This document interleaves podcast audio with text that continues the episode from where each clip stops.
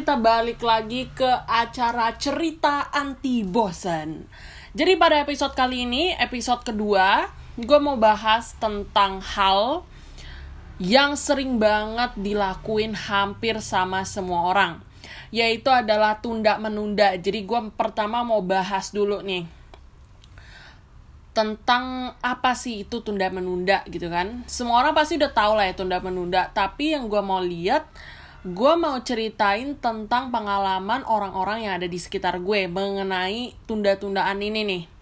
Banyak banget dari kita yang tunda menunda karena biasanya karena waktu yang masih rada lama, terus lama kelamaan kita tinggalin tuh tugas, eh tahu taunya udah hamin satu aja dan lain sebagainya. Tapi sekarang gue mau membatasi ruang lingkupnya ke lingkungan sekolah dulu aja ya karena teman-teman yang seumuran gue itu masih anak sekolah. Dan di sini gue juga bakal bagi tipsnya.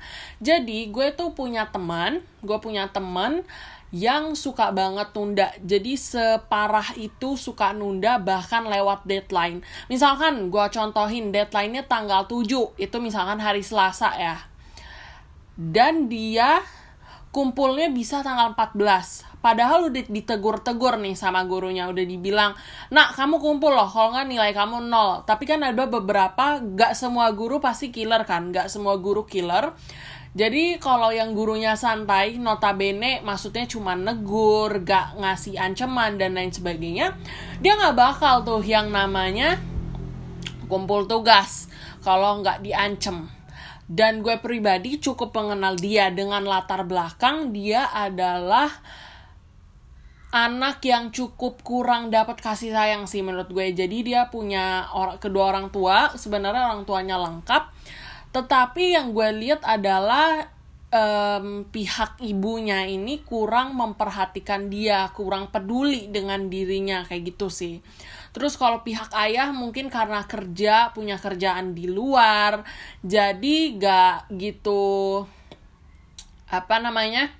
Fokus banget nih, gak gitu tahu banget lah tentang kehidupan sekolah anaknya, ya kan? Menurut gue itu uh, kurang perhatian sebenarnya adalah salah satu contoh masalah gini loh, parenting gitu ya yang harus diperbaikin supaya anaknya bisa lebih fok uh, lebih fokus dan bertanggung jawab, bukan lebih fokus maaf, lebih bertanggung jawab lagi dalam menyelesaikan tugas. Terus kemudian juga gue ada contoh teman gue yang kedua. Nah, teman gue yang kedua ini dia itu sebenarnya gak gak separah yang sebelumnya ya. Jadi misalkan deadline-nya tanggal 7 nih hari Selasa. Mungkin dia kumpulnya tanggal 8 atau tanggal 7 beda tiga setengah jam doang dan lain sebagainya. Jadi kadang dia pernah lah, dia pernah yang namanya lewat limit tapi nggak sering-sering banget gitu loh dan yang gue lihat adalah sebenarnya ya sebenarnya yang gue lihat dia itu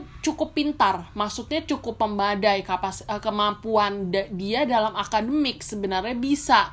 Kalau misalkan dia rajin bahkan dia bisa menjadi yang cukup baik gitu di dalam kelas. Tapi sayangnya yang gue lihat se ya, seperti biasa lagi pihak ayah kurang memperhatikan. Dalam artian membiayai iya membiayai. Tapi untuk dekat secara psikologis mungkin ya dekat dengan anaknya mengetahui kehidupan anaknya di sekolah itu bisa dikatakan tidak gitu loh. Mungkin dia tahu ya mungkin bapak tersebut tahu tapi belum sampai benar-benar anak itu merasakan hal apa atau kejadian apa yang dialami anak tersebut. Nah sedangkan ibunya itu adalah ibu rumah tangga tapi ibu rumah tangga ini cukup memaksa gitu loh, suka membandingkan. Nah, di sini gue juga mau bilang nih, parenting itu juga berpengaruh gitu loh sebenarnya.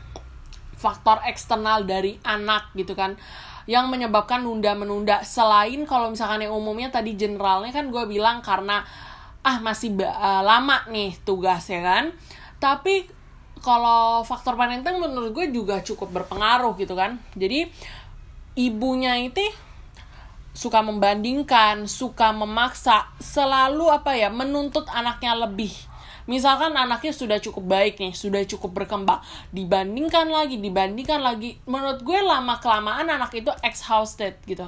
anak itu merasa lelah, merasa gue mau sesempurna apa pun bakal tetap di compare. Gue mau sehebat apa pun menurut my mom mungkin itu ya biasa banget lah. Nah, jadi itu yang gue lihat ya. Dan menurut gue sebenarnya ya untuk anak sekolah mungkin kalau misal ini audiens gue nggak cuma anak sekolah sebenarnya cuman dikhususkan oleh anak sekolah dikhususkan ke arah anak sekolah menurut gue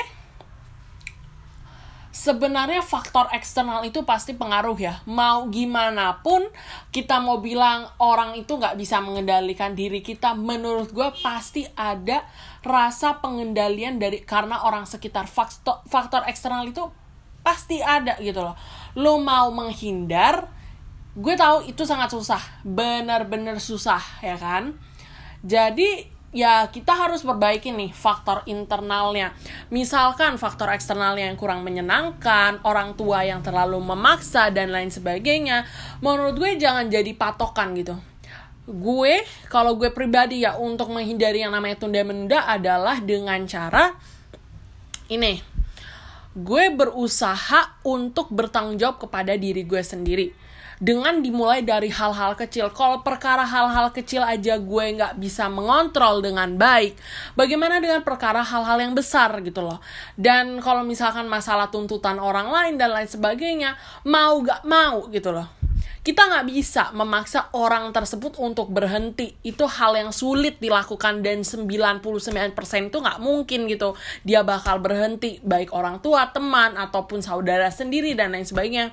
Yang bisa kita lakukan adalah mungkin kita bikin small win gitu. Kita bikin kemenangan-kemenangan kecil. Jadi misalkan kalau misalkan gue udah ber, uh, berhasil untuk menyelesaikan tugas, gue harus mengapresiasi diri gue sendiri. Gue harus bilang wah iya gue bersyukur nih gue udah bisa mampu. Artinya gue ada suatu perkembangan dan lain sebagainya. Jadi omongan orang lain jangan dijadikan acuan. Omongan orang lain jangan dijadikan patokan buat standar kehidupan kita. Tapi yang jadiin patokan buat kehidupan kita adalah apa? Diri kita sendiri gitu loh. Dan orang-orang yang memang memberikan dampak positif Ya, bukan orang-orang yang memberikan dampak negatif dan gue mau disclaimer lagi, gue mau ngasih tahu lagi. Orang tua, memang kita harus menghormati orang tua, kita harus menghargai orang tua. Tapi orang tua ingat ya, orang tua itu juga manusia. Orang tua itu bisa salah, orang tua itu bisa ya gak boleh sebenarnya orang tua membandingkan anaknya dengan orang lain karena itu bisa menyebabkan sakit hati.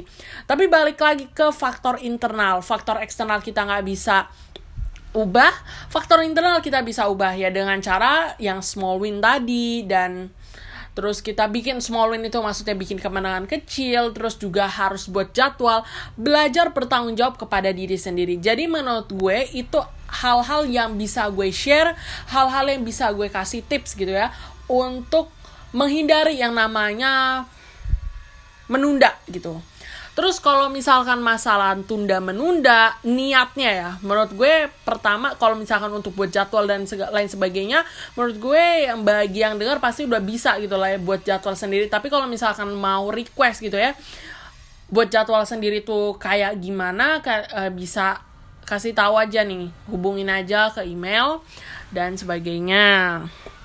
Jadi gitu aja sih.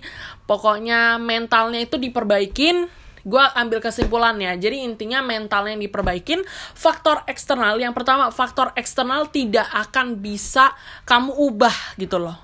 Ya faktor eksternal tuh nggak bisa. Jadi yang bisa kamu ubah faktor internal.